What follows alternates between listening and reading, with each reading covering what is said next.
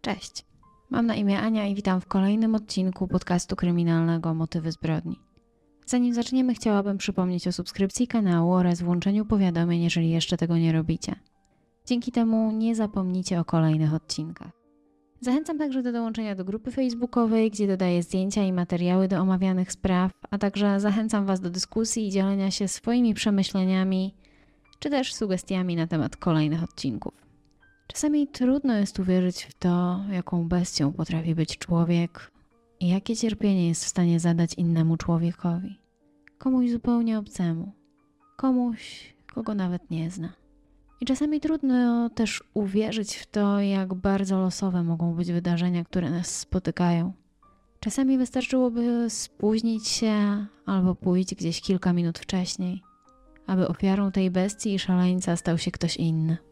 Ktoś, kto najprawdopodobniej także nie zasłużył na taki los. Zapraszam do wysłuchania sprawy, na temat której ostatnio jest trochę głośniej w mediach z racji doskonałej pracy policjantów z archiwum Mix i najprawdopodobniej ich kolejnego sukcesu. W dzisiejszym odcinku przeniesiemy się na północny wschód Polski, do Białego Stoku, największego miasta w województwie podlaskim. Według danych z 2016 roku Białystok posiada niecałe 300 tysięcy mieszkańców. Jest to raczej spokojne miasto. Według rankingu z 2017 roku Białystok zajmował drugie miejsce w Polsce, jeżeli chodzi o bezpieczeństwo. W związku z tym mieszkańcy tego miasta mogą spokojnie poruszać się po swoim miejscu zamieszkania. Jednak, mimo że Białystok zajmuje tak wysokie miejsce w rankingach, nie oznacza to, że nigdy nic złego tam się nie wydarzyło. Przeniesiemy się teraz do 2001 roku, kiedy na osiedlu Sienkiewicza w Białymstoku mieszkała 30-letnia Agnieszka Dojlida. Osiedle Sienkiewicza leży niedaleko od centrum miasta i jest to takie typowe osiedle bloków z wielkiej płyty, z infrastrukturą niezbędną do życia jego mieszkańców. Agnieszka z zawodu była pielęgniarką i pracowała w Uniwersyteckim Dziecięcym Szpitalu Klinicznym w Białymstoku. Agnieszka była osobą bardzo lubioną i chwaloną wśród swoich współpracowników i znajomych. Niestety, nie wiadomo o niej wiele więcej i prawie nigdzie nie ma informacji o tym, jaka była, ani o jej życiu prywatnym. Na jedynym zdjęciu, które można znaleźć w internecie, widzimy młodą kobietę o miłym spojrzeniu, brązowych włosach, związanych w warkoczyki i z grzywką na czole. Wygląda na bardzo sympatyczną kobietę. W wieku 30 lat można stwierdzić, że kobieta nie miała szczęścia do mężczyzn. Agnieszka miała za sobą nieudane małżeństwo i aktualnie była w separacji ze swoim mężem. Najprawdopodobniej Agnieszka przeprowadziła się z powrotem do rodziców właśnie na osiedle Sienkiewicza albo też wynajęła mieszkanie sama. 16 sierpnia 2001 roku, w czwartek, Agnieszka po jej powrocie ze szpitala odwiedziła w jej domu kuzynka Joanna. Obie kobiety spędzały miły letni wieczór, rozmawiając o przeróżnych rzeczach. Nic nie wskazywało na to, że ten zwykły z pozoru dzień okaże się tak tragiczny. Po 21.30 Joanna z racji dość późnej godziny postanawia wracać do domu. Biorąc pod uwagę fakt, że wieczór tego dnia jest bardzo ładny i ciepły, a obie kobiety bardzo dobrze się rozumieją i dogadują, Agnieszka postanawia odprowadzić kuzynkę na przystanek i jeszcze chwilę z nią porozmawiać. Joanna, aby dojechać do domu, musi udać się na przystanek przy ulicy Piłsudskiego w Białymstoku. Według map Google'a taka trasa to maksymalnie kilometr. Dziewczyny szły, rozmawiały. I w momencie, kiedy na zegarach wybijała godzina 22, obie kuzynki się pożegnały. Joanna wsiadła do autobusu i odjechała w kierunku swojego domu, natomiast Agnieszka ruszyła w drogę powrotną do domu przy ulicy Nowogródzkiej. Agnieszka zupełnie nie była świadoma, że w tym samym momencie, niedaleko przedszkola, które będzie mijała po drodze do domu, z jednego z bloków wychodzi inna młoda kobieta, która wybiera się na spotkanie ze swoim chłopakiem. W pewnym momencie kobieta zauważa mężczyznę idącego za nią i wystraszona zaczyna uciekać. Mężczyzna biegnie za nią, ale na szczęście dla tamtej kobiety z bloku wyłania się jej chłopak, a napastnik, który ją gonił, natychmiast się ulatnia. Niestety, ta młoda kobieta nigdy nie powiadomiła policji o tym, co ją spotkało. Być może, gdyby to zrobiła, uratowałaby życie kogoś innego. Wróćmy jednak do głównej bohaterki naszej opowieści, Agnieszki, która jest nieopodal domu. Ma do pokonania zaledwie kilkaset metrów. Kiedy przechodzi chodnikiem obok przedszkola samorządowego numer 8, zostaje zaatakowana. Sprawca wciąga Agnieszkę w znajdujące się nieopodal krzaki, które niedługo po tych wydarzeniach zostały wycięte. Mężczyzna związuje ręce Agnieszki kablem, a jej ustach nabluje jej własną bielizną, po czym dokonuje gwałtu. W tym samym czasie poddusza swoją ofiarę, co wprowadza ją w stan utraty przytomności i co później będzie miało bardzo duże znaczenie, jeżeli chodzi o kontynuację tej opowieści. Mimo, że nie było jeszcze bardzo ciemno, a na dworze w centrum dużego miasta było sporo ludzi, nikt nic nie widział, nie słyszał ani nie zareagował.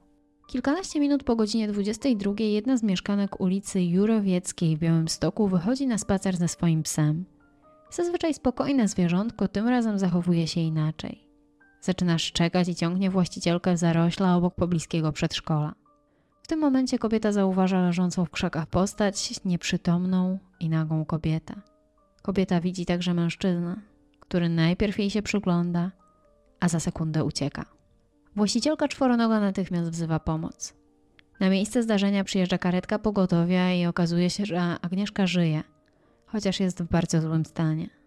Po przewiezieniu nieprzytomnej kobiety do szpitala szybko pojawia się informacja, że jest to mieszkająca w bloku niedaleko miejsca zdarzenia 30-letnia Agnieszka Doilida. Lekarz w szpitalu stwierdza, że kobieta została pobita i zgwałcona. Natychmiast zabezpieczono także materiał genetyczny sprawcy, licząc na to, że pomoże go ująć. Okazało się także, że mężczyzna zabrał biżuterię, jaką miała na sobie kobieta.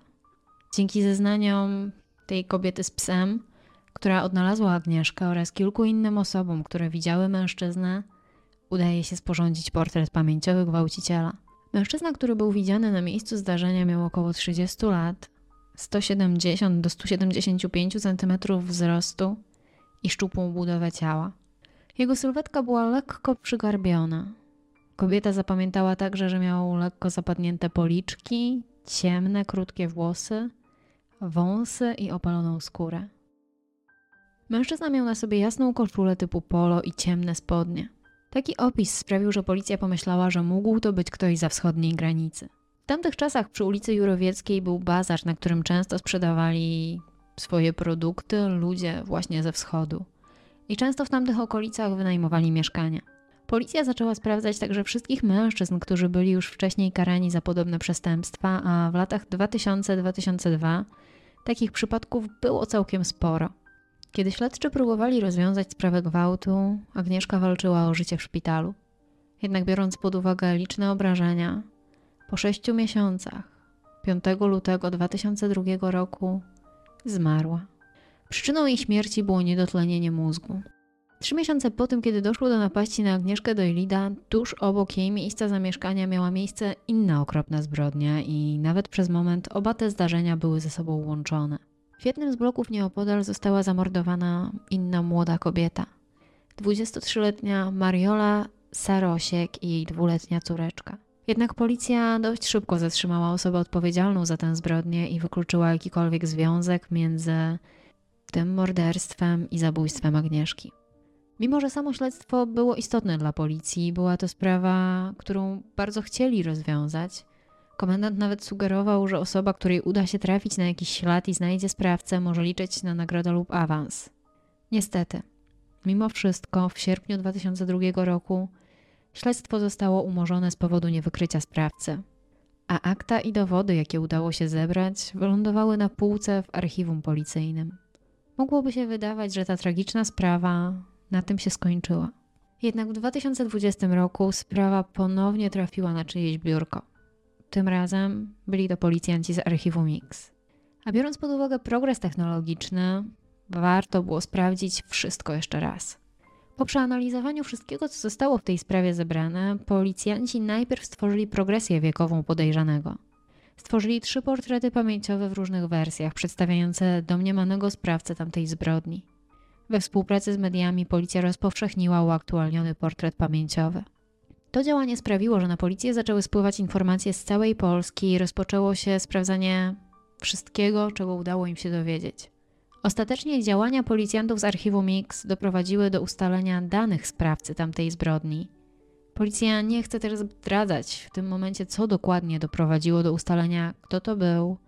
Jednak można przypuszczać, że dużą i ważną rolę w ustaleniu tej osoby, miał materiał genetyczny, jaki został zabezpieczony na ciele i w ciele Agnieszki. W dzisiejszych czasach technologia pozwala sprawdzić nawet najmniejsze ślady genetyczne i podejrzewam, że jest to główny dowód, który doprowadził policję do podejrzanego. Udało się także ustalić, gdzie podejrzany o tę okrutną zbrodnię może przebywać. Sprawcą okazał się być 42-letni białostoczczanin, który od 15 lat ukrywał się w Wielkiej Brytanii, w niewielkiej miejscowości pod Manchesterem. 18 czerwca 2021 roku, czyli niemal 20 lat po dokonaniu przestępstwa, mężczyzna został aresztowany w miejscu swojego zamieszkania na wniosek prokuratury okręgowej w Białymstoku. Została także zainicjowana procedura deportacyjna, aby móc postawić podejrzanego przed sądem właśnie w Białymstoku. Za czyn, którego się dopuścił, grozi mu dożywocie. W lutym tego roku mężczyzna został ekstradowany do Polski i usłyszał zarzuty. Sąd zdecydował o jego trzymiesięcznym areszcie, gdzie oczekuje na proces. I to właściwie już wszystko w tej sprawie. Na razie policja nie podaje szczegółów na temat tego, kim jest aresztowany, ani co zmotywowało go do popełnienia tej zbrodni. Ale mam nadzieję, że niedługo ruszy proces i wszyscy się dowiemy, dlaczego niewinna osoba musiała zginąć. Dajcie znać, czy słyszeliście o tej sprawie. Wiem, że materiał jest dzisiaj krótki, jednak mimo tego, że jest naprawdę niewiele informacji na temat tej sprawy i na temat samej Agnieszki i jej życia, to uważam, że jest to sprawa, o której bardzo mało się mówi, dlatego chciałam Wam ją opowiedzieć. Tym bardziej, że jest to kolejna sprawa, gdzie być może dałoby się uratować kobietę, jeśli jednak któraś z tych osób, które przebywały wtedy na zewnątrz, zareagowałyby jakoś. Bo pamiętajmy, że było to centrum miasta wojewódzkiego. Letni, ciepły wieczór. Ludzie spędzali czas na dworze. Ale mimo to nikt nic nie widział. I tym smutnym akcentem dziękuję Wam za obejrzenie kolejnego odcinka. Dajcie znać, czy ktoś z Was pochodzi z tamtych okolic i pamięta coś z 2001 roku, kiedy to się wydarzyło. Albo może słyszeliście coś więcej o tej sprawie, czego nie ma w internecie. Dbajcie o siebie, kochani, i reagujcie, kiedy widzicie, że komuś dzieje się coś złego. Czasami wystarczy po prostu zadzwonić na policję albo chociaż narobić hałasu. Do usłyszenia. Cześć.